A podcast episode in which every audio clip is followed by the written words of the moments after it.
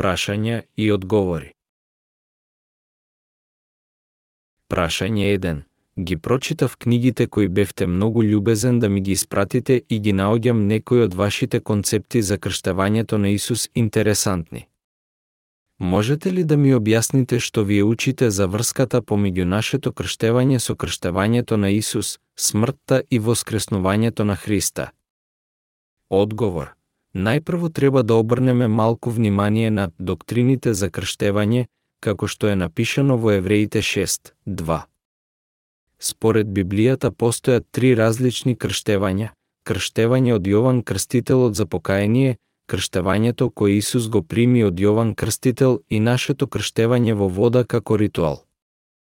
Крштевањето кое ние го примаме е исповед на нашата вера во крштевањето на Исус. Тоа е така да речеме, ние сме крстени со цел да исповедаме нашата вера дека веруваме дека Исус беше крстен за да ги однесе сите наши гревови и така умре на крстот за да умилостиви за нив. Сега вие можете да го разберете стихот во Матеја 3, 15 каде што е напишано. Позволи го сега тоа зашто така ни прилега да ја исполниме сета правда.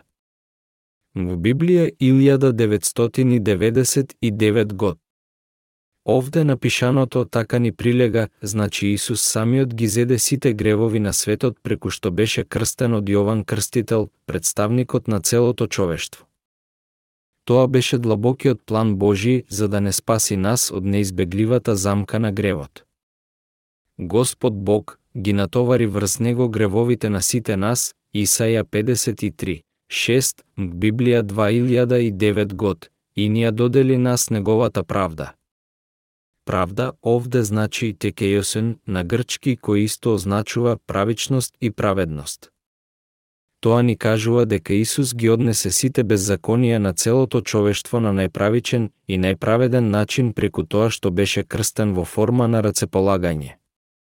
Ние сме спасени преку нашата силна вера во крштевањето, смртта на крстот и воскреснувањето на Исус, силата на духовното обрезание, Римјаните 2, 29 на неговото крштевање, кое што ги одсече сите наши гревови од нашите срца, ги однесе гревовите од нашето срце. Заради тоа, а апостолот Петар им рече на луѓето на денот на Пасха. А Петар им рече, покајте се. И секој од вас нека се крсти во името на Исус Христос за напроштавањето на вашите гревови и ќе го примите дарот на Светиот Дух. Дела 2, 38, Библија 1990 год. Сите грешници треба да примат опростување за нивните гревови во нивните срца преку верувањето во името на Исус Христос, кое е значењето на неговото име.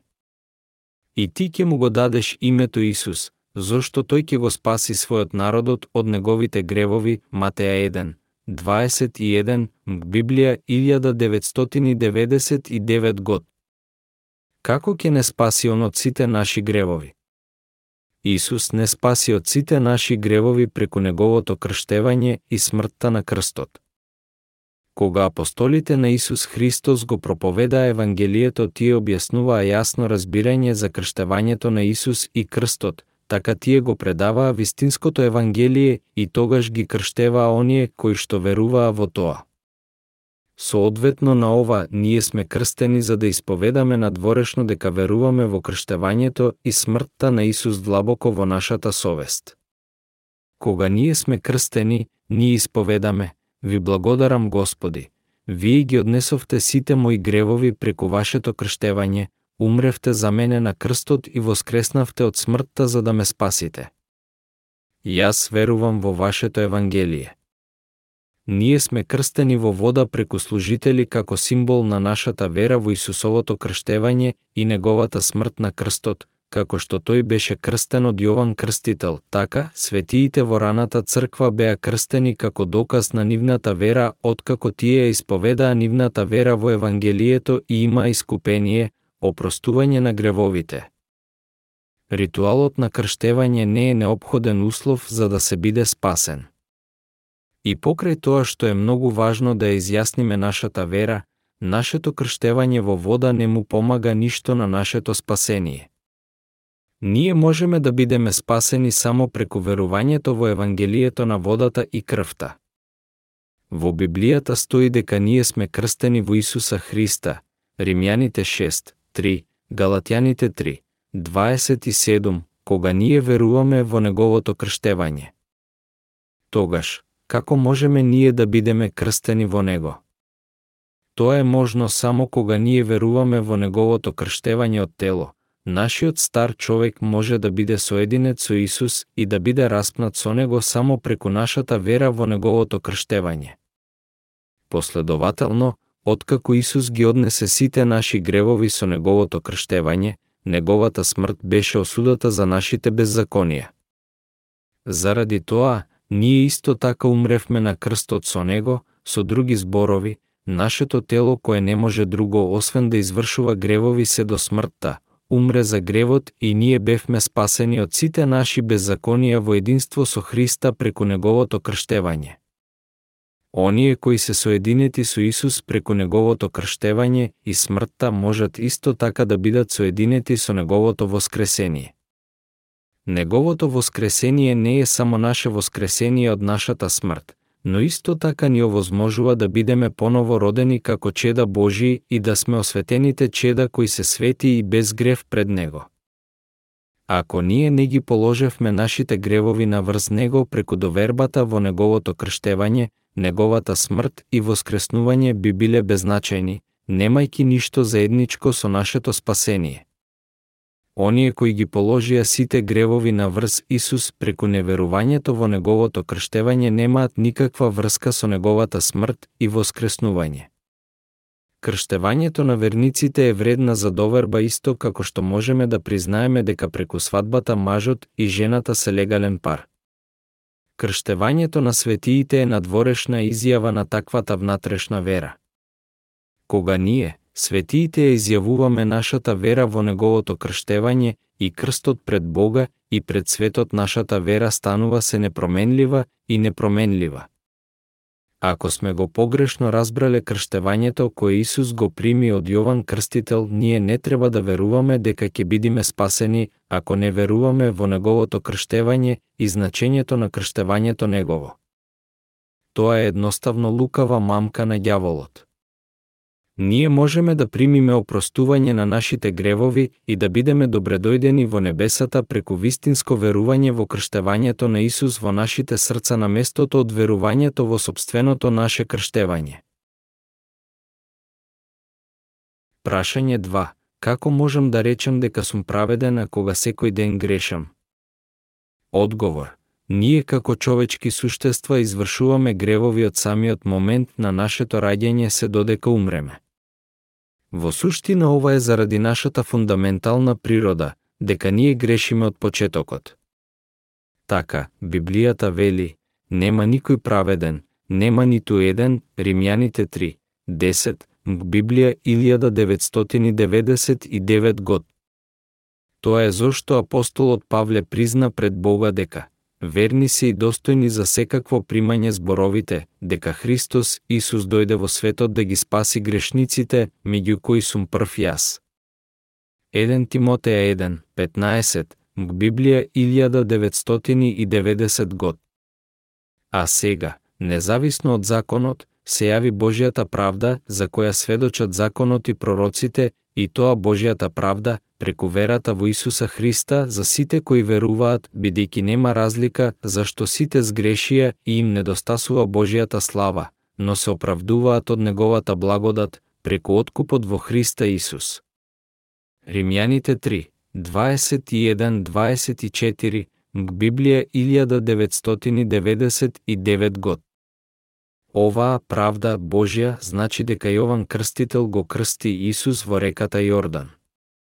Кога тој беше крстен, тој му рече на Јован, позволи ги сега тоа зашто така ни прилега да исполниме сета правда Матеја 3, 15, Библија 1999 год.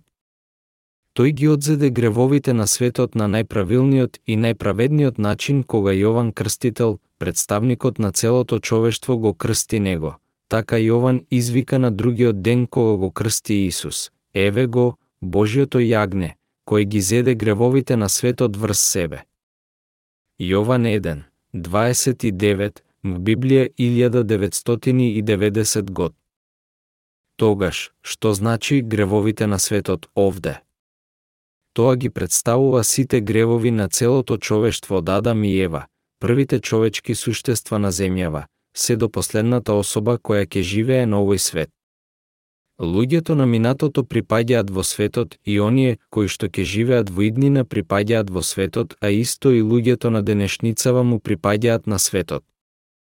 Исус, Алфа и Омега, принесе една жртва за гревовите на сите времиња, премавнувајќи ги гревовите на светот еднаш за секогаш преку неговото крштевање во реката Јордан и умирајќи на крстот, и така ни прилега, ние сме осветени.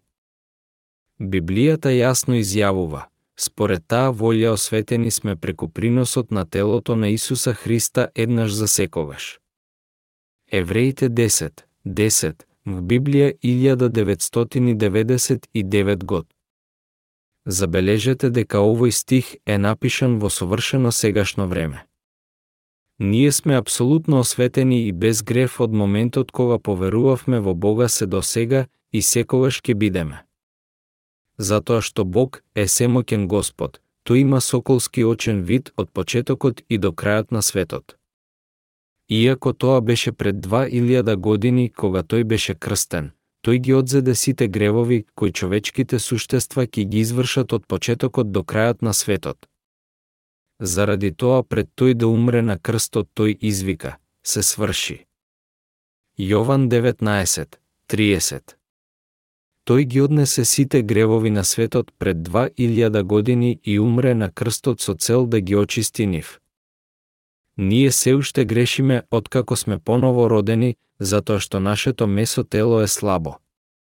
Меѓутоа, Исус беше не искупил нас од гревовите на минатото, сегашноста и иднината со земањето нивно на врз неговото тело преку неговото крштевање и со тоа што беше осуден за нив на крстот. Ова е вистинското, целосното и праведното спасение Божјо, ако Исус не беше ги однал со себе си гревовите кои ќе ги извршиме во иднина, нити еден човек не ќе биде искупен од секојдневните гревови, зашто смртта е плата за грев, Римјаните 6, 23. Во Библија 1999 год.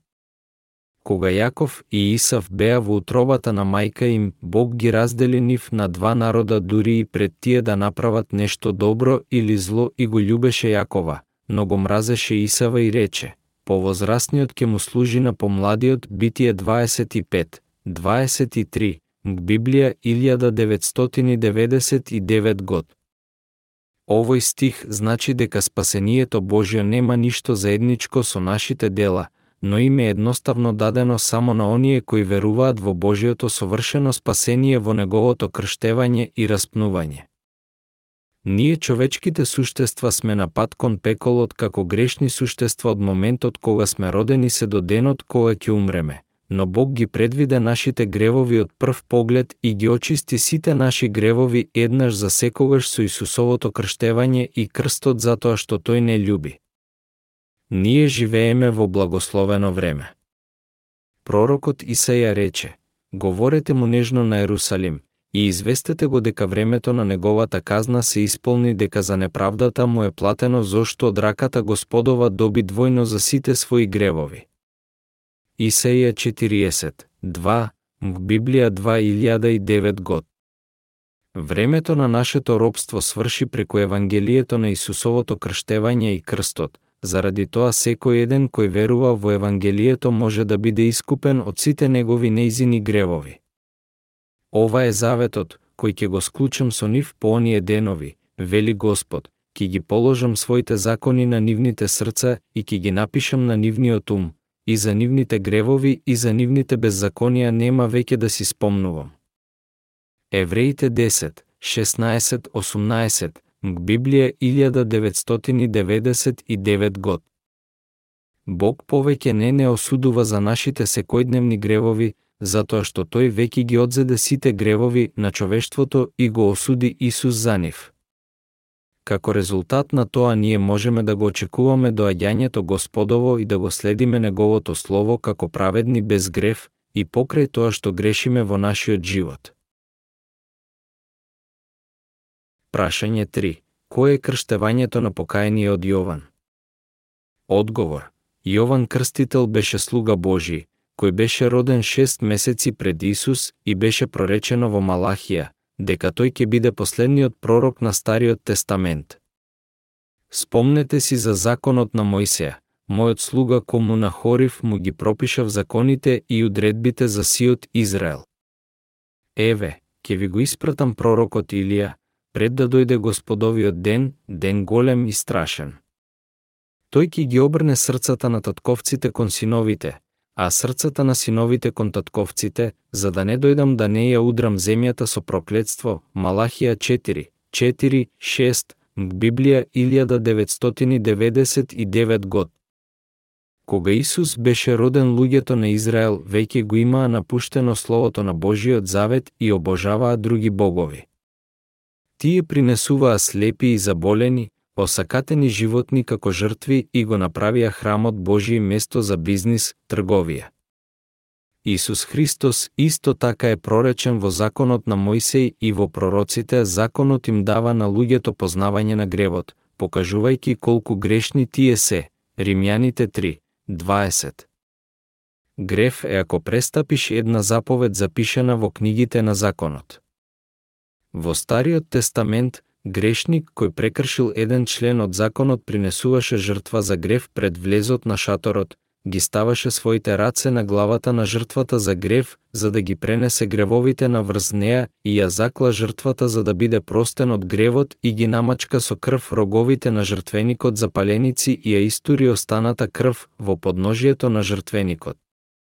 Сепак, луѓето на Израел не можеа да бидат искупени од сите нивни гревови без разлика на многобројните секојдневни жртви.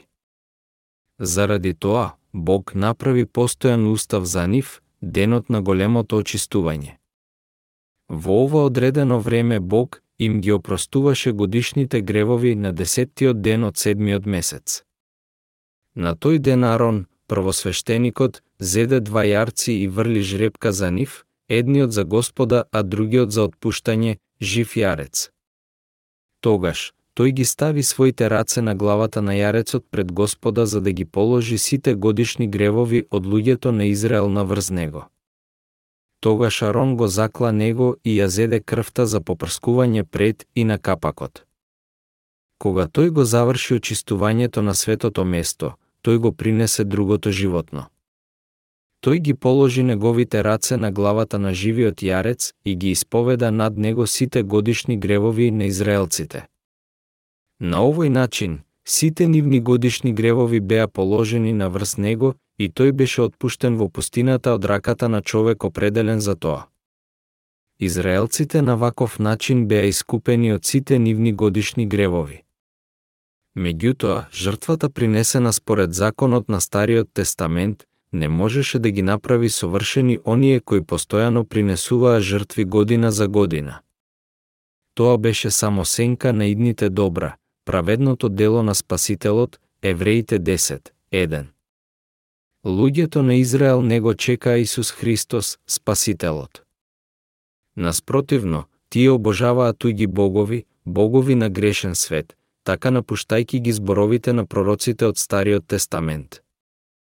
Така Бог прорече дека тој ќе го испрати Јован Крстител со цел да го обнови срцето на израелците за да ги врати нив кон него и да ги припрема срцата да го примат Исус Христос. Пред Јован Крстител да го крсти Исуса, тој им даде на луѓето на Израел покајничко крштевање во пустината на Јудеја. Неговата цел со нивното крштевање со вода беше да ги доведе нив до момент на чекање и верување во Исус, тој ги учеше дека Спасителот ќе биде крстен од него на начинот на рацеполагање за да ги однесе сите гревови на светот и тогаш ќе биде распнат за да ги спаси нив од сите нивни гревови. Тој им кажа дека Исус ќе дојде и ќе ги однесе сите жртви од минатото и ќе ја принесе вечната жртва со неговото тело.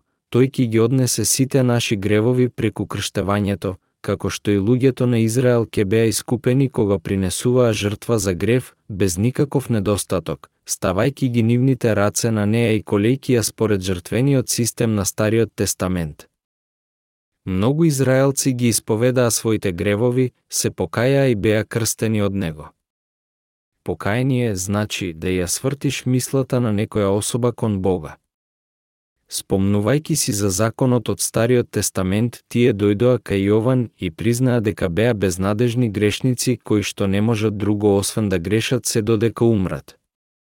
Тие истото така исповедаа дека немаше да влезат во Царството Божјо преку нивните добри дела според законот и ја свртија својата мисла кон Исус Христос, кој што ќе ги премавнеше сите нивни гревови еднаш за секогаш така отворајки го влезот во Царството Божјо. Крштевањето кое што Јован Крстител им го даде на луѓето од Израел е следното.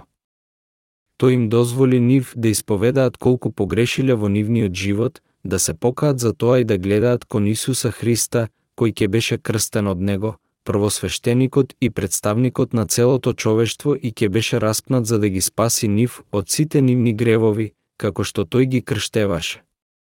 Ова е вистинското библиско покаяние. Заради тоа Јован им објави на луѓето, јас ве крштавам во вода за покаяние, но оној кој доаѓа по мене е посилен од мене, кому јас не сум достоен да му ги понесам обувките. Тој ќе ве крсти во светиот дух и оган. Матеја 3, 11, Библија 1999 год. Јован Крстител им ја сврти мислата на луѓето кон Исуса им сведочеше ним дека Исус ќе дојде за да ги однесе сите гревови на светот. Јован 1, 29 и дека праведно ќе умре за нив. Така, Исус самиот им сведочеше дека Јован дојде да ни го покаже патот на правдата, Матеја 21, 32. Прашање 4. Не мислите ли дека знаењето за Исусовото крштевање како морално за спасение ќе ја намали целосно неговата смрт на крстот во Евангелието? Одговор. Крштевањето на Исус и неговата смрт на крстот се рамноправно важни за нашето спасение. Ние не можеме да кажеме дека едното е поважно од другото. Меѓутоа, Проблемот е дека многу христијани на денешницава познати се само со крвта Исусова на крстот. Тие веруваат дека тие се опростени затоа што тој умре на крстот, но не е само крстот со кое што Исус ги однесе сите гревови на светот. Откако тој беше крстен од Јован Крстител и ги одзеде сите гревови на светот, можеше практично да биде осуден за сите наши гревови. Верувајки само во крстот без крштевањето на Исус е како принесување на жртва пред Господа без полагањето на рацете на главата на жртвата. Оние кои принесуваа ваква жртва не можеа да бидат искупени за нивните гревови, затоа што таквата жртва беше беззаконска жртва која што Бог не можеше да ја прифати. Бог го повика Моисеј и му говореше од шаторот на средбата, велејки, Ако неговиот принос за жртвата паленица биде од крупниот добиток, нека принесе машко без недостаток. Нека го доведе кон влезот на шаторот на средбата за да биде примен пред Господа. Нека ја стави својата рака на главата на жртвата паленица, за да му биде примена и со тоа да му се покрие вината Левит 1, 3, 4, Библија 1999 год. Господ е милостив и правиче. Тој го основа честниот и праведниот жртвен систем со цел да ги измие нашите гревови. Кога ние принесуваме законска жртва, жртвата е прифатена од Бога за да ги покрие нашите гревови. Без рацеполагањето, ниедна жртва не може да биде прифатена од Бога. Исто така, Ако ние го изоставиме крштевањето на Исус од нашата вера во Него, ние не можеме да примиме опростение за гревови со било каква вера. Една од најповеќето неточности во денешното христијанство е дека тие веруваат дека тие можат да бидат спасени само со исповедањето дека Исус е нивни спасител затоа што Господ е љубов. Библијата на вистина вели, и секој кој ќе го повика Господовото име, ќе биде спасен. Дела 2, 21, Римјаните 10, 13, Библија 1999 год, но исто така ни кажува дека не секој што ми вели, Господи, Господи, Ке влезе во Царството Небесно, а оној која врши волјата на мојот татко, кој е во небесата. Матеја 7, 21, Библија 1999 год. Со цел да можеме да исповедаме дека Исус е Спасителот, ние треба да го знаеме законот на спасението кој што Бог го основа. Ако можевме да бидеме едноставно спасени со верувањето во името на Исус, не ќе постоеше причина зошто мораше да биде напишано Светото писмо за жртвениот систем во Стариот Тестамент и за оние кои извршуваат незаконски дела во Матеја 7, 21. Сепак, чудесниот и совршен начин на Божиото спасение е јасно запишан во Библијата. На вистина ние можеме јасно да видиме од книгата Левит глава 3 и 4 дека грешникот требаше да ги стави своите раце на главата на жртвата за да ги положи своите гревови врз на неа и да ја тогаш заколи жртвата и да ја попрска крвта каде што принесуваше жртви за грев и помирителна жртва. Принесување на жртва без полагање на раце или на жртва со недостаток е премногу незаконска за да направи покривање на гревот. Обете зборови од Стариот и Новиот Тестамент имаат соодветност еквивалентност едни со други, Исаја 34, 16. Крштевањето на Исус е исто со рацеполагањето на грешникот на главата на жртвата во Стариот Тестамент. Кога Исус беше крстен од Јован Крстител во Јордан, тој рече, позволи го сега тоа зошто така ни прилега да исполниме сета правда Матеја 3, 1, Библија 1999 год, Овде, сета правда значи правилно и честно. Ова значи дека беше достојно за Исус да стане жртва принос за човештвото на тој начин. Значи дека исто така него му прилегаше да биде крстен од Јован Крстител во форма на рацеполагање за да ги однесе сите гревови на светот на најчестниот начин, според жртвениот систем кој се состои од рацеполагање и крвопролевање, кој што Бог го основа во Стариот Тестамент. Верата во само крстот значи последователно дека неговата смрт нема ништо со нашите гревови, затоа што нашите гревови не можеа никогаш да бидат положени на него без Исусовото крштевањето. Тоа резултира на сметање за неговата крв како нечиста и несилна за очистувањето нивно, Евреите 10, 29. Заради тоа неговата крв може да е ефективна во очистувањето на гревовите во срцата на верниците само ако тие веруваат дека сите нивни гревови беа положени на Исус кога Јован Крстител го крсти него со полагањето на своите раце на него. Така апостолот Јован сведочеше дека оној кој верува дека Исус е Син Божи, кој дојде преку вода и крв, го победува светот, Исус дојде преку водата и крвта не само преку водата или само преку крвта. 1 Јован 5, 4, 6. Исус Христос им објасни на неговите ученици делата кои се однесуваат на негово Светото Писмо, почнувајќи од Мојсеј и сите пророци. Тој им покаже како жртвата за грев во Стариот Тестамент беше тој самиот. Давид на неговото место рече во псалмите, Еве доаѓам. Во книжниот свиток пишува за мене да ја исполнам Твојата волја, о Боже. Псалми 40, 7, Евреите 10, 7, Библија 1999 год. Како резултат, неговото крштевање него поништува законот, но всушност е важниот дел од Господовото Евангелие кој го комплетира и исполнува значењето на крстот, Тоа исто така не учи нас дека не можеме да имаме искупение ако не го има крштевањето и скапоцената крв на Исус, што вие сакате да кажете со тоа дека сте спасени, е дека сте добиле опростување на гревовите преку верата во крштевањето на Исус и неговата крв на крстот и да го примите дарот од Светиот Дух. 1 Јован 5, 8. Дела 2, 38. Прашање 5. Можете ли да ми го објасните Евангелието на водата и духот? Одговор.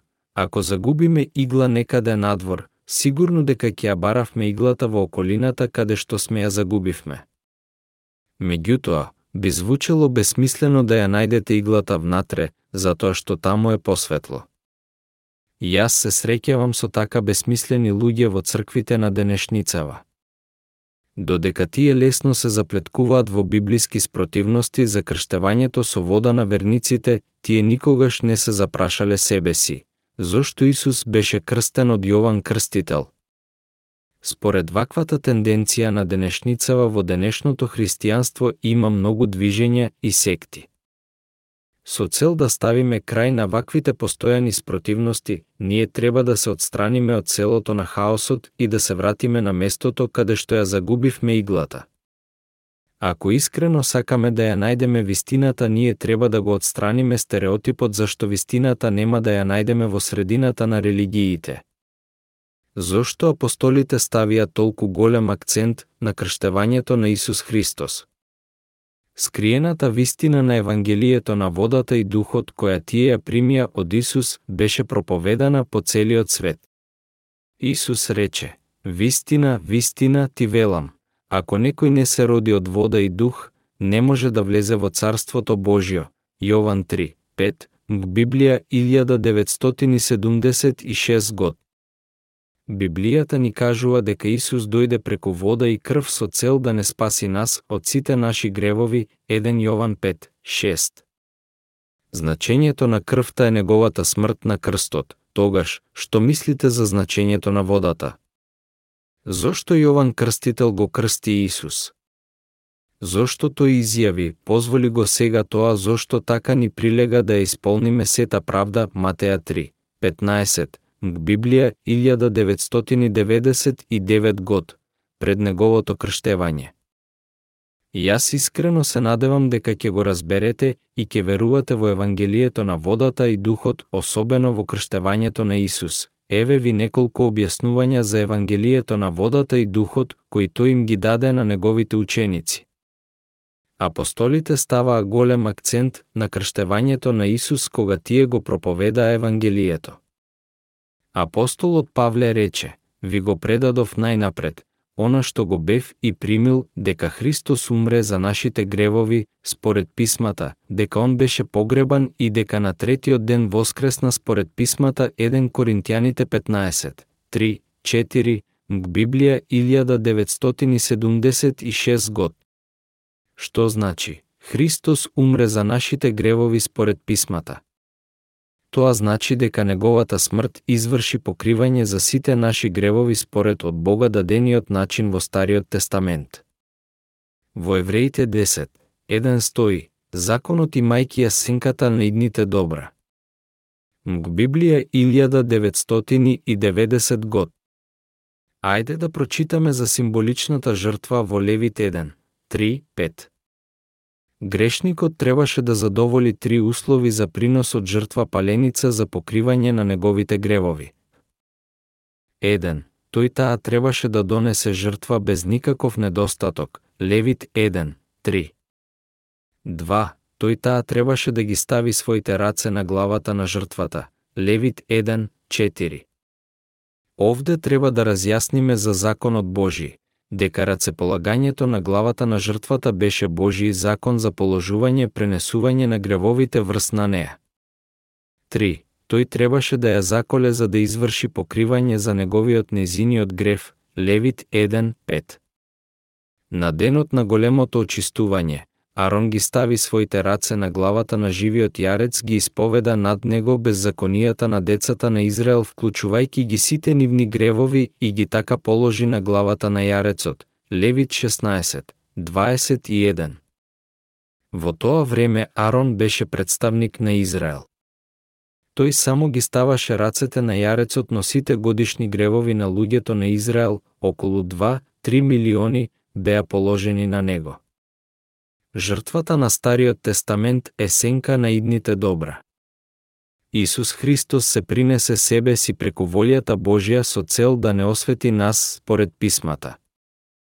Најпрво од се, Исус Христос дојде во обличие на човек за да биде Божјо јагне без никаков недостаток.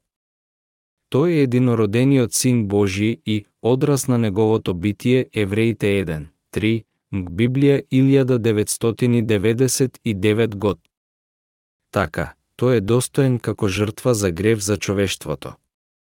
Второ, Јован Крстител го крсти Исус во реката Јордан. Крштевање е дадено во форма на рацеполагање и Јован Крстител е потомок на Арон и представник на целото човештво. Кога Јован ги стави рацете своји на Исус, сите гревови на светот беа положени на него според законот Божи кој тој го воспостави. Исус му рече на Јован, позволи го сега тоа зошто така ни предстои да ја исполниме сета правда, Библија 1999 год, тогаш го крсти. Сите наши гревови конечно беа положени на него, другиот ден, Јован посведочи. Еве го јагнето Божјо, кој ги зеде гревовите не светот врз себе. Јован 1, 29, в Библија 1990 год. Трето, Исус умре на крстот за опростување на сите наши гревови, велејки, се сврши. Јован 19, 30, в Библија 1999 год. Тој воскресна од смртта со цел да не направи праведни пред Бога.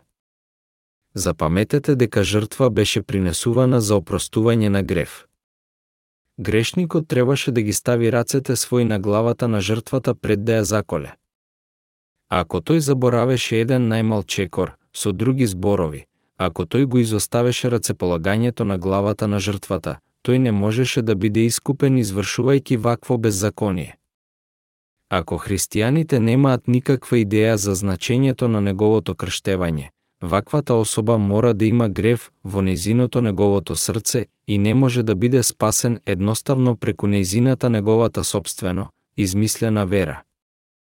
Многу христијани знаат само за половина на неговото праведно дело. Апостолот Јован јасно кажува во неговото прво послание, Исус Христос е оној кој дојде преку вода и крв и преку духот, не само преку вода, туку преку вода и крв, и духот е оној кој сведочи, оти духот е вистина. 1 Јован 5, 6, во Библија 1976 год. Има многу стихови во Библијата кои го поддржуваат значењето на неговото крштевање за комплетирање на неговото праведно дело за нашето спасение. Сите христијани треба да се вратат кон Евангелието на водата и духот. Прашање 6. Кои писма доставуваат доказ дека апостолите голем акцент ставаа на крштевањето на Исус? Одговор. Најповеќе од се, ние треба да го разликуваме значењето на нашето крштевање од крштевањето на Исус. Ние не можеме да бидеме поново родени само со тоа што едноставно ќе бидеме во вода крстени. Ние можеме да бидеме родени само преку верувањето во Исус Христос. Ритуали како крштевање во вода или обрежување не се значајни услови за Божиото спасение. Библијата него дефинира крштевањето во вода на верниците како морално за нивното спасение. Наспротив, тоа става голем акцент на крштевањето кој Исус го прими од Јован Крстител. Всушност, многу библиски стихови подржуваат дека крштевањето на Исус е необходно и потребно за нашето спасение. Прво од се, неговото крштевање е прогласено во секое едно од сите четири евангелија како пролог на целото негово праведно дело.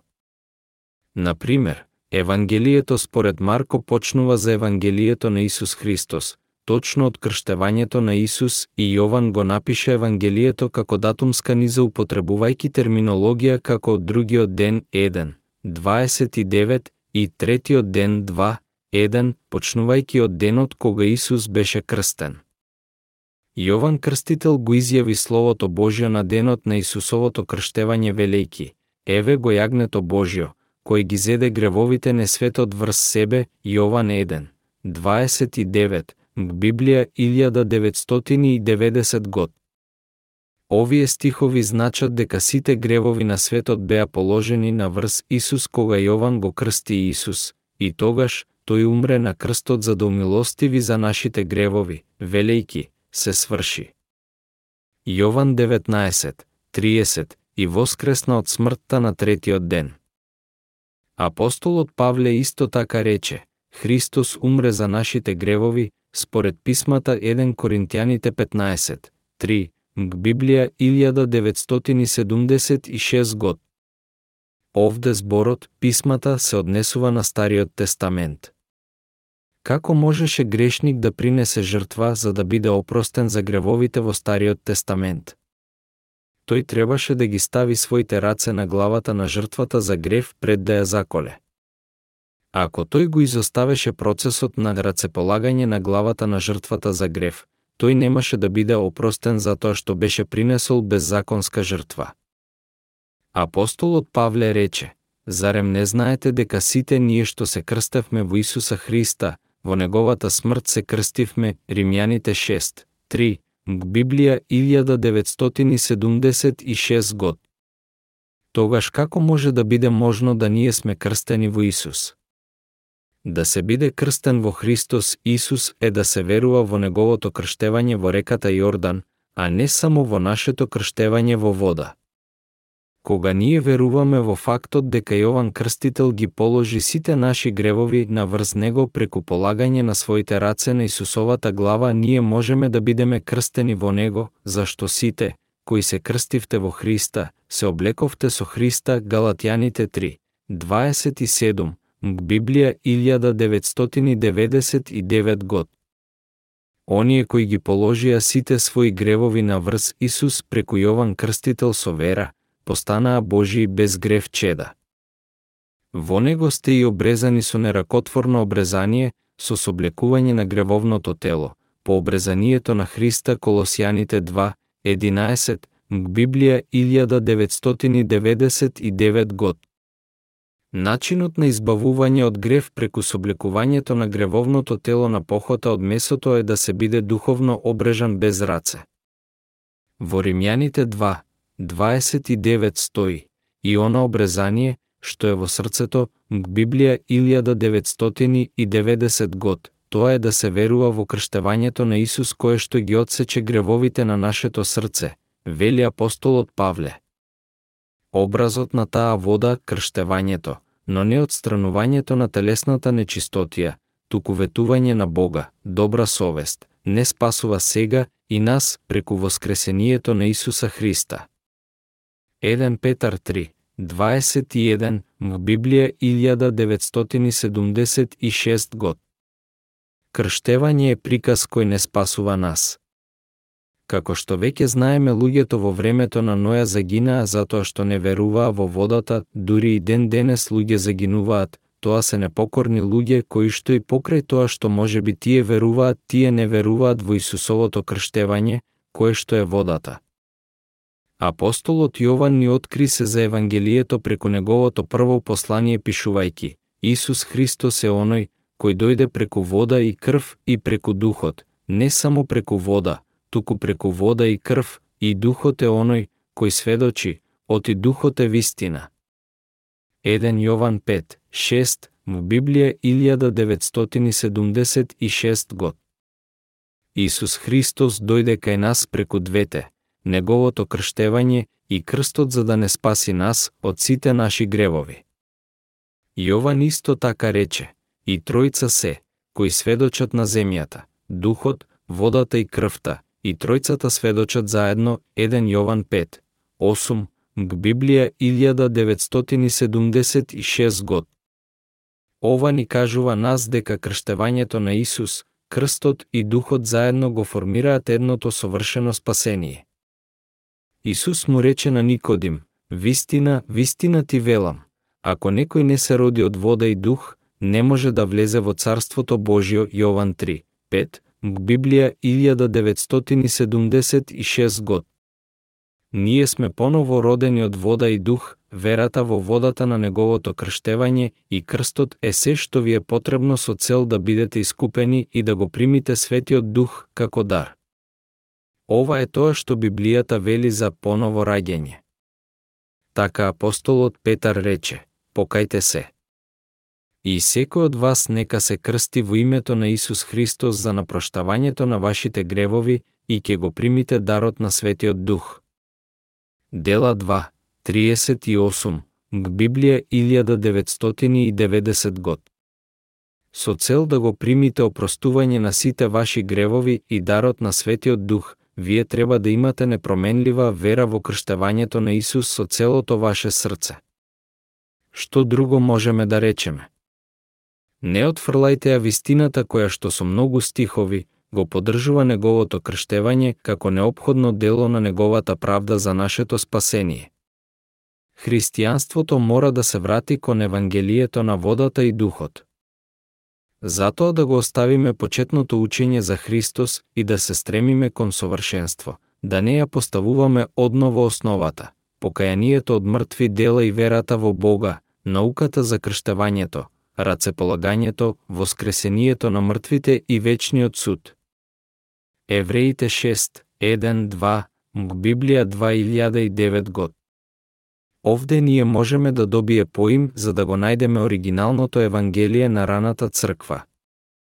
Тие им ја предаваа науката на крштевањето, на раце полагање, на воскресение од смртта и на вечниот суд на оние кои само што постанаа христијани.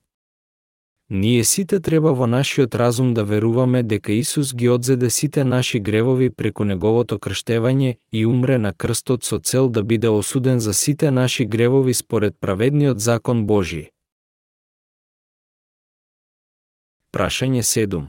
Ова е она што и јас верував и почесто го предавав, освен ако вие ставате преголем акцент на почесто изоставеното крштевање на Исус, што е тогаш толку различно за Евангелието на водата и духот? Одговор Да се биде спасен, значи да примите опростување за сите гревови. Тоа исто така значи да се биде поново роден. Кога грешникот ќе постане праведен човек преку верата во Евангелието на животот ние велиме, тој таа е поново роден од вода и дух преку Исусовото спасение. Светиот Дух доаѓа врз оние кои биле искупени и поново родени и сведочи дека тие се Божии чеда. Заради тоа, овие се едно исто. Примање на опростение, примање на Светиот Дух, да се биде искупен, да се биде поново роден, да се постане чедо Божио и да се постане праведен, а Исус рече, Јас сум патот, вистината и животот, никој не доаѓа при Отецот освен преку мене Јован 14, 6. Библија 1976 год, кое се однесува дека само преку Исус, единородениот син, ние можеме да влеземе во Царството Божјо, оттаму. Ние треба да знаеме како Исус не очисти од сите наши гревови и не вброја нас како негови. Луѓе кои што заслужуваат да влезат во неговото царство. Сепак, повеќето христијани се уште мислат дека едноставно повикувањето на неговото име може да ги спаси нив. Тие веруваат во Исус без да ја отворат Библијата, без да знаат што тој направи за нас, за да не спаси од сите наши гревови. Бог е дух и светиот еден во кого нема варијација на променливост, но ние живееме грешен живот. Да се влезе во Царството Божјо е можно само преку Исус и ние можеме да веруваме во Него преку верата во законот на Духот на животот во Христа Исуса, Римјаните 8. 1-2, МГ Библија 1999 год. Многу луѓе дури и не знаат што изврши Исус за спасение. Наспротив, тие слепо веруваат во Него залудно велејки, Господи, Господи. Тие исто така мислат дека тие се спасени, но тие се уште имаат грев во нивните срца. Ако вие се уште имате грев во вашите срца, без разлика на вашата вера во Исус, од што сте тогаш вие спасени. Ако некој праша, како Исус ги очисти нашите гревови, најголемиот дел од луѓето вели, најверојатно тој ги очисти на крстот. Тогаш за друго прашање, дали имате се уште грев во вашето срце, нивниот одговор е, сигурно, кој на овој свет може апсолутно да биде слободен од грев? Името на Исус значи Спасителот, тој ќе го спаси својот народ од нивните гревови. Матеја 1, 21 Библија 1999 год. Ние веруваме во Исус со цел да бидеме спасени од грев. Меѓутоа, ако се уште имаме грев во нашите срца, и покрај тоа што ние веруваме во Исус, ние сме се уште грешници продадени на робство на грев и според нив ќе бидеме и осудени. Апостолот Павле рече, и така сега нема осудување за оние, кои се во Христа Исуса. Римјаните 8. 1. Библија 1999 год. Значи дека очигледно е да оној кој се уште има грев во неговото незиното срце не е во единство со Христа Исуса. Тоа е заради тоа што тие веруваат само во крвта на крстот без да ги положат нивните гревови на врз него преку крштевањето на Исус. Заради тоа тие се уште имаат грев во нивните срца, земајки во предвид дека Исус умре на крстот без разлика на нивните гревови.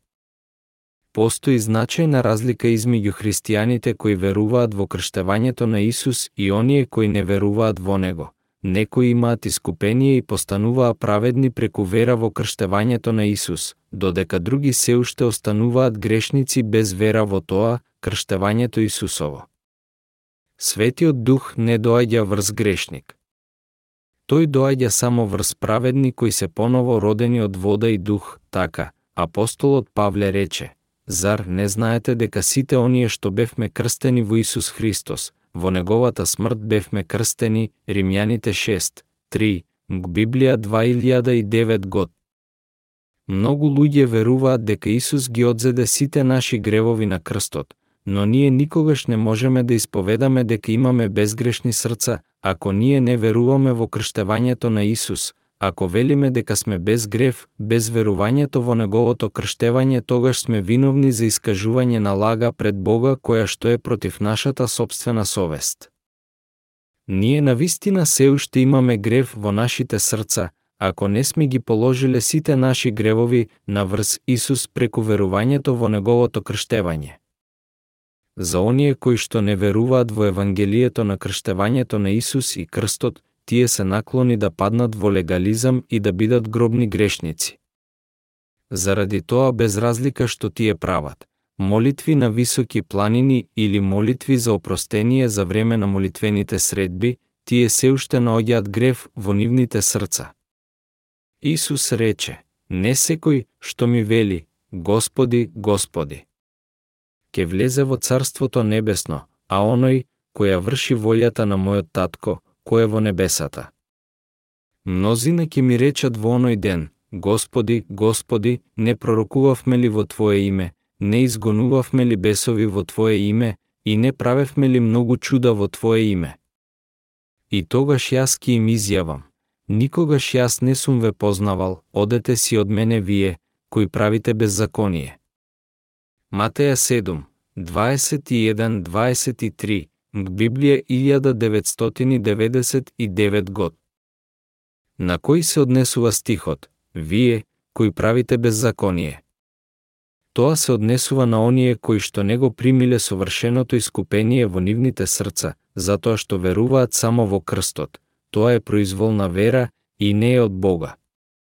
Ние правиме незаконски дела ако не веруваме во фактот дека Исус не спаси нас преку неговото крштевање и крстот, ние не можеме да речеме да ние имаме правилна вера пред да го разбереме и веруваме во крштевањето на Исус и крстот. Исус рече дека ако луѓето сакаат да бидат поново родени, тоа е можно само преку вода и дух, исто како што луѓето можеа да бидат избавени од водниот потоп ако беа во коработ на Ноја, и вие можете да примите опростување на сите ваши гревови и да живеете вистински верен.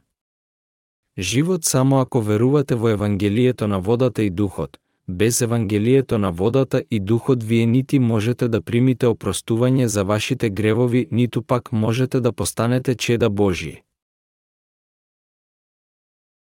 Прашање 8. Јас бев сигурна дека едноставно верувањето во Исус ме спаси. Јас во спокој бев со убеденост во моето срце.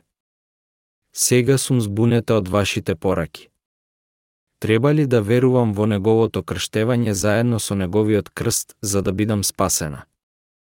Одговор. Ако не верувате во Исусовото крштевање, сигурно е дека имате грев во вашето срце. Апостолот Јован рече, ако кажеме дека немаме грев, се лажеме сами себе, и вистината не е во нас, 1 Јован 1, 8, Библија 1976 год. Ако велите дека немате грев, и покрај тоа што имате грев во вашето срце, затоа што не верувате во крштевањето на Исус, тоа е дело на измама на вашата совест, и тоа е доказ дека вистината не е во вас. Убеденоста на спасението се јавува во нашето срце, кога ние примаме опростување на гревовите и Светиот Дух како дар преку верата во двете неговото крштевање и крстот, апостолот Павле рече. Друго Евангелие, кое не е друго. Галатјаните 1, 7, Библија 1990 год. Ништо друго освен Евангелието на водата и духот кое што апостолите го примија од Исус и им го проповедаа на луѓето не може да не спаси нас од сите наши гревови. Ако не веруваме во Евангелието на водата и духот кое што апостолите го проповедаа, ние сигурно се уште имаме грев во нашите срца. Како можеме ние да живееме со убеденоста на спасение кога се уште имаме грев во нас? Кога христијаните кои што се уште не се поново родени добро се однесуваат пред Бога, тие се сигурни за нивното спасение во целосна сигурност и радост, меѓутоа нив им недостига убедливост и кога ќе извршат некаков сериозен грев се плашат заради тежината на гревот во нивните срца ова е псудо, лажно, спасение основано врз нивните собствени мисли и чувства не е од Бога. Тие се наклони да принесуваат молитви на покаяние секој ден за да постанат постепено осветени и да го чуваат нивното лесно расклатено спасение.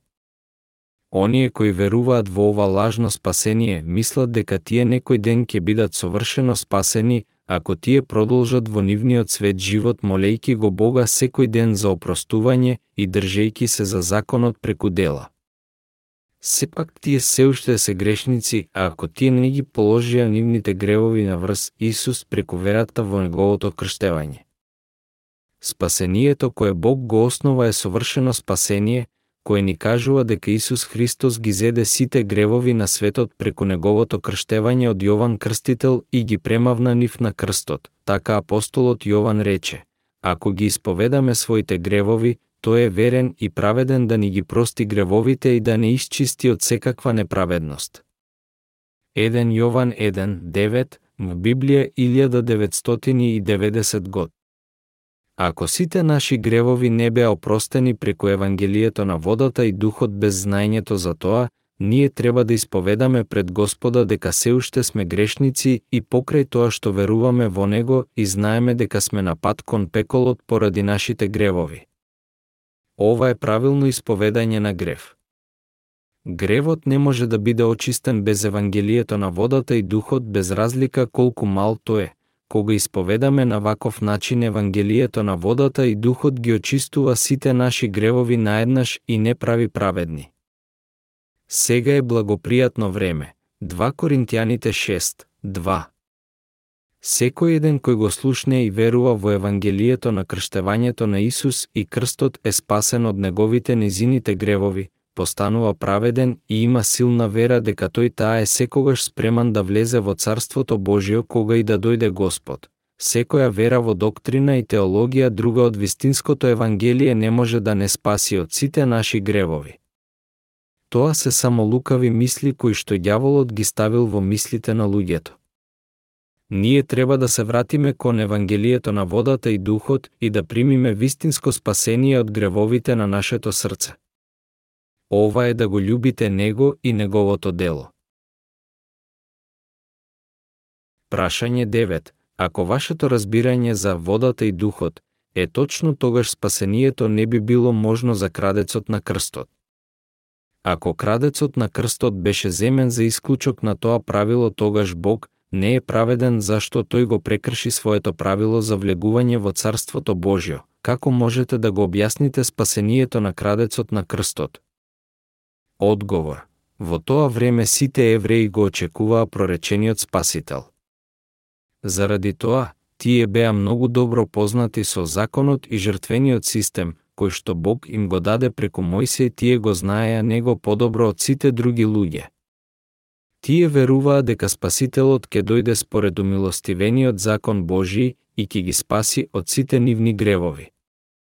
Меѓутоа, тие не веруваа дека крштевањето на Исус од Јован Крстител беше од Бога и дека беше наменето за да ги положи сите гревови на светот врз на Исус, Марко 11, 27, 33, но наспротив тие го сметаа него за човек кој ги заблудувал луѓето и така го распнаа него, откако римјаните беа заштитени од бичување и распнување според римскиот закон, дела 22, 25, 29, 23, 27. Ние знаеме дека крадците на крстот не беа римјани, туку евреи, ние исто така знаеме дека крадецот беше евреин кој имаше Божи страв според. Неговите зборови велејки, сети се на мене Господи, кога ќе дојдеш во царството свое. Лука 23, 42, Библија 1976 год. Еврејскиот крадец веќе беше познат со законот и жртвениот систем кој што Бог му го даде на Мојсе, така да тој веруваше дека Спасителот ќе дојде според умилостивениот закон Божи. Оние кои што доаѓаат пред Бога мораа да исповедаат дека се грешници на пат кон пеколот заради нивните гревови. Крадецот ги исповеда неговите гревови велејки. Ние сме праведно осудени, зошто примивме заслужена казна според нашите дела, но ништо лошо не направил Лука 23, 41, Библија 1976 год. Од неговите зборови ние исто така знаеме дека крадецот имаше страф од Бога и дека негова надеж беше да влезе во Царството Божио велејки. Сети се на мене Господи, кога ќе дојдеш во Царството Свое. Лука 23, 42, Библија 1976 год. Тој рече, но он не направил ништо лошо, Лука 23, 41, Библија 1976 год. Од каде знаеше крадецот што Исус направил или не направил? Тој веруваше дека Исус е зачнат од Светиот Дух, роден преку девицата Марија, беше крстен од Јован Крстител, представникот на целото човештво, ги зеде сите гревови на светот и беше распнат. Тој беше евреин кој веруваше во она што Исус го направи за сите луѓе, вклучувајќи го и него, и покрај тоа што тој беше распнат како казна за неговото дело на земјата. Оние кои што ги исповедаат нивните гревови преку крштевањето на Јован ја признаваат Божјата правда кога тие ќе слушнат дека сите нивни гревови беа положени на врз Исус преку неговото крштевање. Меѓутоа, оние кои што не го примија Јовановото крштевање за покаяние одбиваат волјата Божја, затоа што тие не веруваат во Исусовото крштевање, Лука 7, 28, 30. Наспротивност, Крадецот кој што беше спасен исповеда дека се што направи Исус беше правилно и точно, додека другите евреи не исповедаа вака. Тој изгледа беше еден од евреите кои ги слушнаа овие дела кои што беа исполнети измеѓу нив, Лука 1, 1 тој конечно можеше да каже дека Исус е праведен и проречениот Спасител затоа што тој конечно дојде до вера на крстот дека Исус ги однесе сите негови гревови преку неговото крштевање. Соодветно вака тој беше спасен. Тој исто така беше спасен преку вера во Евангелието на водата и духот, затоа што Бог е праведен тој ги оправдува оние кои што веруваат во крштевањето на Исус и крстот според неговиот закон на духот на живот. Прашање 10. Откако Бог е семилостив и благотворен, не би ли тој не сметал нас за праведни и покрај тоа што имаме грев во нашите срца ако само веруваме во Исус? Одговор. Бог е љубов, а исто така и праведен. Од тука, тој го осудува гревот правилно без разлика каков е гревот. Смртта е плата за грев, Римјаните 6, 23, Библија 1999 год. значи грешникот откако е осуден е на пат кон пеколот. Тој ги разделува праведните од грешниците како што тој ја раздели светлината од темнината. Бог ги повикува оние кои што немаат грев преку верата дека Исус ги очисти сите нивни гревови преку неговото крштевање и распнување за да бидат праведни. Меѓутоа, оние кои се уште имаат грев во нив, заради неверувањето во крштевањето на Исус, се грешници пред присуството на Бога. Тоа се оние кои не веруваат во водата со други зборови, во крштевањето на Исус, исто како што и луѓето во времето на Ноја не верува. Ако Бог ги смета грешниците, оние кои се уште имаат грев во нив, за праведни и без грев, тогаш тој мора да лаже и заради тоа тој не може да му суди или да владее над целото негово создание. Тој рече, јас нема да го оправдам беззаконикот излез 23, 7, Библија 1990 год. Беззаконици се оние кои ги следат и зависат од традициите на луѓето оставајки го настрана Евангелието на водата и духот, со кое што Бог не спаси нас од сите наши гревови на најправедниот и најферскиот начин. Исус рече, за грев, зашто не веруваат во мене, Јован 16, 9, Библија 1999 год. Единствениот грев останат на овој свет е да не веруваш во фактот дека Исус ги очисти сите наши гревови преку неговото крштевање и крстот и постана наш спасител. Ова е гревот на хула против Светиот Дух, кој што никогаш не може да биде опростен. Не постои начин за оние кои што хулат на Светиот Дух да бидат спасени, затоа што тие не веруваат дека Исус ги очисти сите нивни гревови. Апостолот Јован рече, секој што прави грев прави и беззаконие, и гревот е беззаконие. А знаете дека он се јави за да ги земе гревовите наши, грев во него нема. Секој кој што пребива во него не греши, секој што греши не го видел ниту го познал 1 Јован 3, 4, 6, Библија 1976 год. Извршување на беззаконие е да не веруваш во фактот дека Исус ги однесе сите наши гревови преку неговото крштевање и крстот. Тој ќе ги отфрли на последниот ден оние кои што извршуваат вакво беззаконие. Оние кои што пребиваат во него немаат грев и се соединети со Исус преку што се крстени во него. Оние кои што ги положија сите своји гревови од целиот свој живот на врз Исус преку нивната вера во неговото крштевање немаат грев и покрај тоа што тие грешат секој ден поради слабоста на месото. Бог ги повикува оние кои ги положија нивните гревови на врз Исус и постанаа осветени преку законот на духот на животот да бидат праведни. Тој им го дава нив светиот дух како дар. Светиот дух не доаѓа никогаш во оние кои имаат грев во нивните срца. Давид рече во неговите псалми, «Зошто ти си Бог, кому не му е мило беззаконието, нечестниот нема да живее при тебе, Псалми 5, 4, Библија 1999 год. Светиот Дух Божи не живее во срцата на оние кои што имаат грев во нив. Дури и грешник кој што него има Светиот Дух во него неа може да рече дека е спасен од грев, според доктрините и нивната собствена мисла.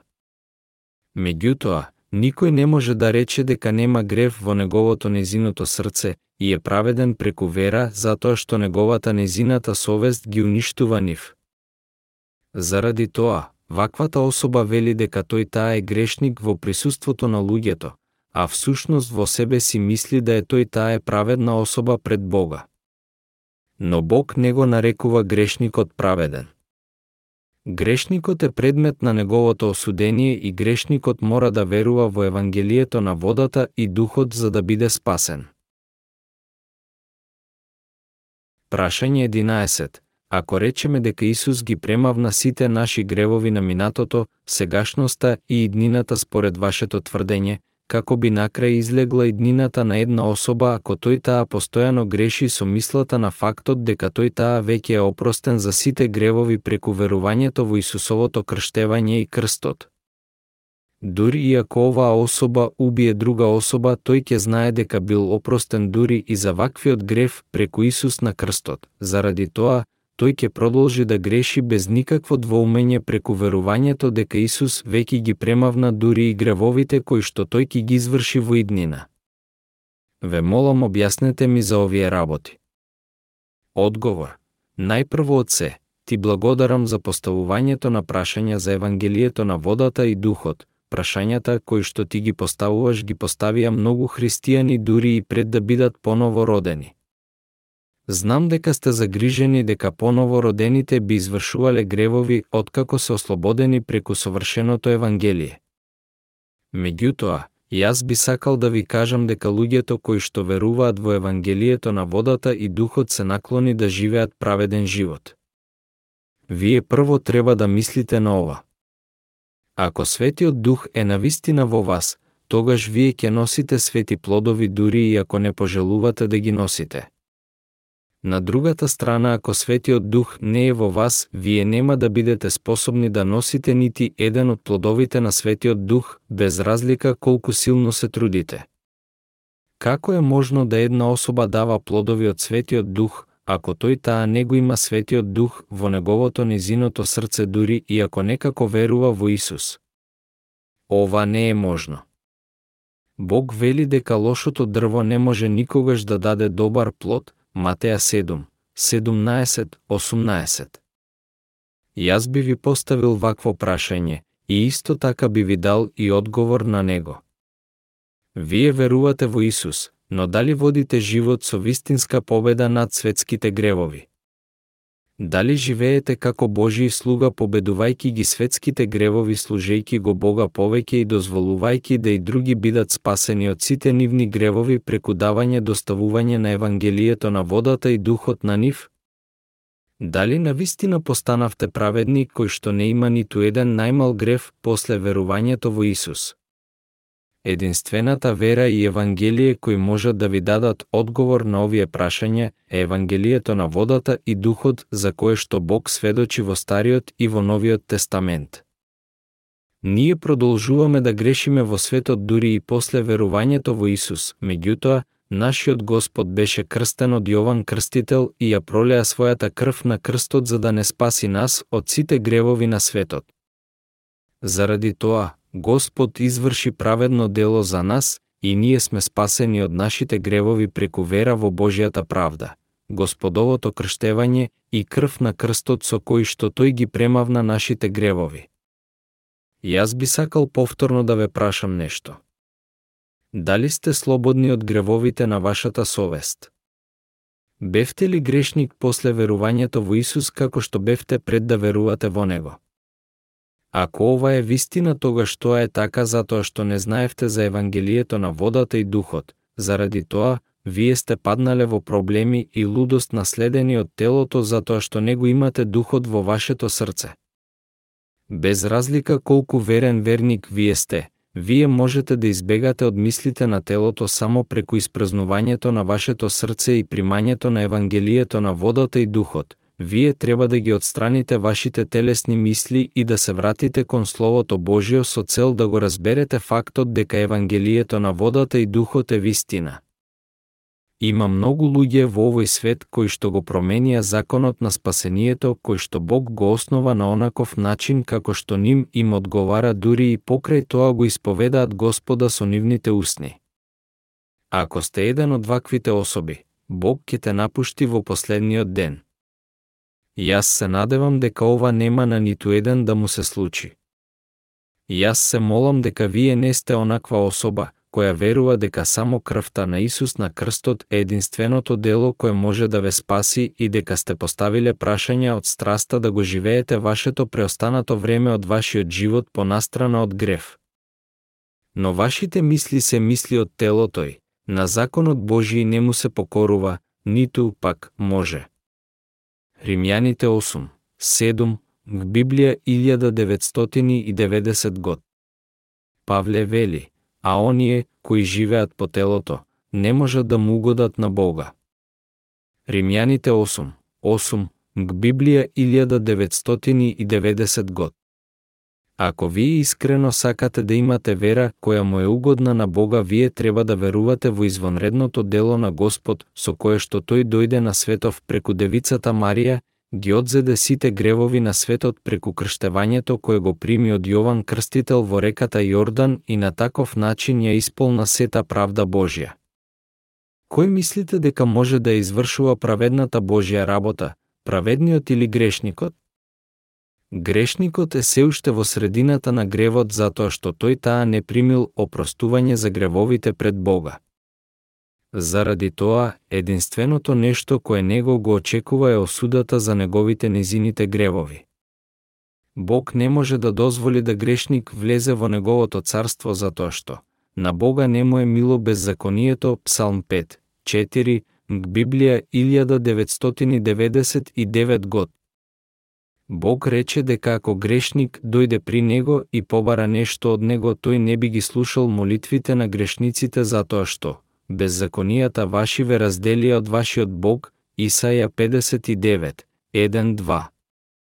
Грешникот сигурно би паднал во пеколот, откако платата за гревот е смрт. Само праведните кои постанале свети, и заради тоа немаат грев во нивните срца, можат да извршуваат праведна работа. Во соодветност, Светиот Дух живее во внатрешноста на срцата на праведните, кои немаат грев после верувањето во Исусовото крштевање и крстот. Апостолот Петар рече на денот на Педесетница: Покајте се. И секој од вас нека се крсти во името на Исус Христос за напроштавањето на вашите гревови и ќе го примите дарот на Светиот Дух. Дела 2, 38 Библија 1990 год. Што овие стихови велате дека ако вие сакате да имате вистинска вера и да примите опростување за сите ваши гревови преку вера, тогаш вие треба да верувате во двете Исусовото крштевање и неговата крв на крстот. Ваквата вера ќе ви дозволи да бидете крстени во името на Исус Христос, тоа е да речете дека можете да примите опростување на вашите гревови преку имањето вера во неговото праведно дело. На вистина, апостолите на Исус истото така служеа ритуал на крштевање на поново родените верници кои што имаа вера во крштевањето на Исус и крстот. Исус им заповеда на неговите апостоли да го крстат секој еден во името на Отецот, Синот и Светиот Дух. Матеја 28, 19. Натаму, апостолот Павле рече, но, ако некој го нема Христовиот дух, не е негов. Римјаните 8, 9, в Библија 1999 год. Бог им го дава светиот дух на праведните со цел да ги запечати нив како негови чеда. Светиот дух не може никогаш да пребива во грешник, затоа што тој таа има грев. Светиот дух не љуби грев, Наспротивно, мила му е светоста, одстранувајки се од грев. Светиот Дух исто така ги води праведните по праведниот пат и ги води нив да ја следат волјата на Отецот. Тогаш која е оваа волја на Отецот? Тоа е да го прошируваат Евангелието на водата и духот на луѓето од секоја нација и да ги крстат нив според големата заповед телото на праведните и на грешните извршува грев се до денот кога ќе умрат. Меѓутоа, Господ го изврши праведното дело со кое ги премавна сите гревови на човештвото извршени со нивното тело и срце со неговото крштевање и крвта. Заради тоа напишано е во Библијата, бидејќи во него се открива правдата Божја од вера во вера како што е напишано. Праведникот преку верата ќе живее Римјаните 1, 17, Библија 1999 год.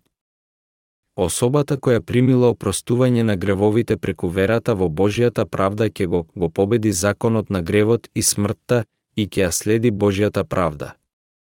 Ова е единствено можно преку Светиот Дух кој доаѓа врз и пребива во оние кои што веруваат во Евангелието на водата и Духот. Сите гревови на минатото, сегашноста и иднината на праведникот се положени на врз Исус на времето кога тој беше крстен од Јован Крстител. Телото на праведникот мора исто така да умре заедно со Исус. Кога човек верува во ова, тој таа се соединува со Исус и со сличноста на неговата смрт. Ова постанува осудата за сите негови неизини гревови, Римјаните глава 6. Заради тоа, и покрај тоа што телото на праведникот извршува гревови постојано преку целиот негов неизин живот, Светиот Дух кој живее во нивните срца ги води нив, за да тој таа го следат Духот. Праведникот го следи Светиот Дух и ја извршува праведната работа Божја, затоа што Светиот Дух живее во него неа. Дури и во времето на апостолите, многу луѓе ги обвинуваа без причина поново родените затоа што тие имаа образ на загриженост за животот на поново родените кои што беа владеени од Светиот Дух, меѓутоа, ваквиот вид луѓе погрешно го сватија Евангелието на водата и Духот кое што апостолите го проповедаа како инстинктивна мисла на телото. Заради тоа, апостолот Павле им рече на овие луѓе, што, пак, да речеме, Ке останеме ли во гревот за да се умножи благодатта? Никако. Ние, кои сме умреле за гревот, како ќе живееме во него уште? Римјаните 6, 1, 2, МГ Библија 1990 год. Тој додаде, му благодарам на својот Бог преку Исуса Христа, нашиот Господ, и така, и јас сам со умот свој му служам на Божиот закон, а со телото на греовниот закон Римјаните 7, 25, Библија 1990 год. Соодветно на ова, телото на праведниот е се уште несовршено и нема друг избор освен да постојано греши, но тие сепак го следат Светиот Дух проповедајки го Евангелието на целиот свет. Праведниците одат во Духот, затоа што нивното срце се одмора во милоста. Па што? Да грешиме ли бидејќи не сме под законот, туку под благодатта? Тоа никако. Не знаете ли дека, кому му се предавате како робови за послушност, робови сте му сте му на оној, кому му се покорувате, или на гревот за смрт или послушност за оправдание. Римјаните 6, 15-16, Библија 1999 год.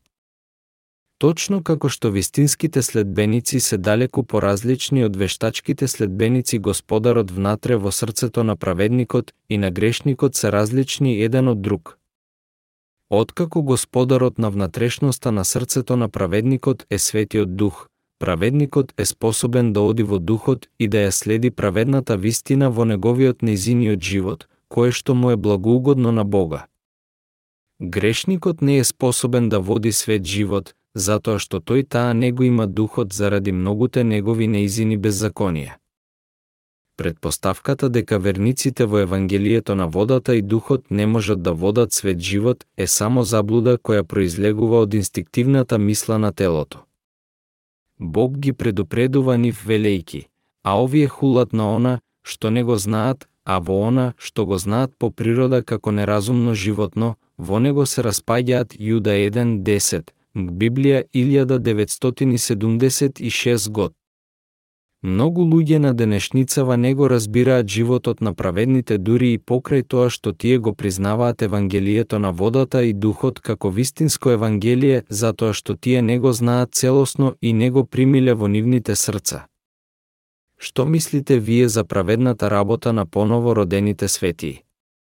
Тие ги жртвуваа сите нивни драгоцени работи дури самите себе си како живи жртви за добрата работа на распространување на Евангелието на целиот свет. Според вашата собствена мисла дали вие мислите дека верниците во Евангелието на водата и духот би намерно извршиле грев под изговор на Евангелието? Праведните извршуваат добра работа преку вера во средината на светлината на вистината и Божјата правда оние кои ја извршуваат правдата Божја родени се од Бога. Ние само се надеваме дека грешниците ќе се вратат кон Евангелието со кое Исус ги очисти сите нивни гревови со неговото крштевање и крвта. Да, наша искрена желба е да вие примите опростување на гревовите преку верување во Евангелието на водата и Духот вистински со целото ваше срце и да го чекате враќањето Господово до последниот ден без грев.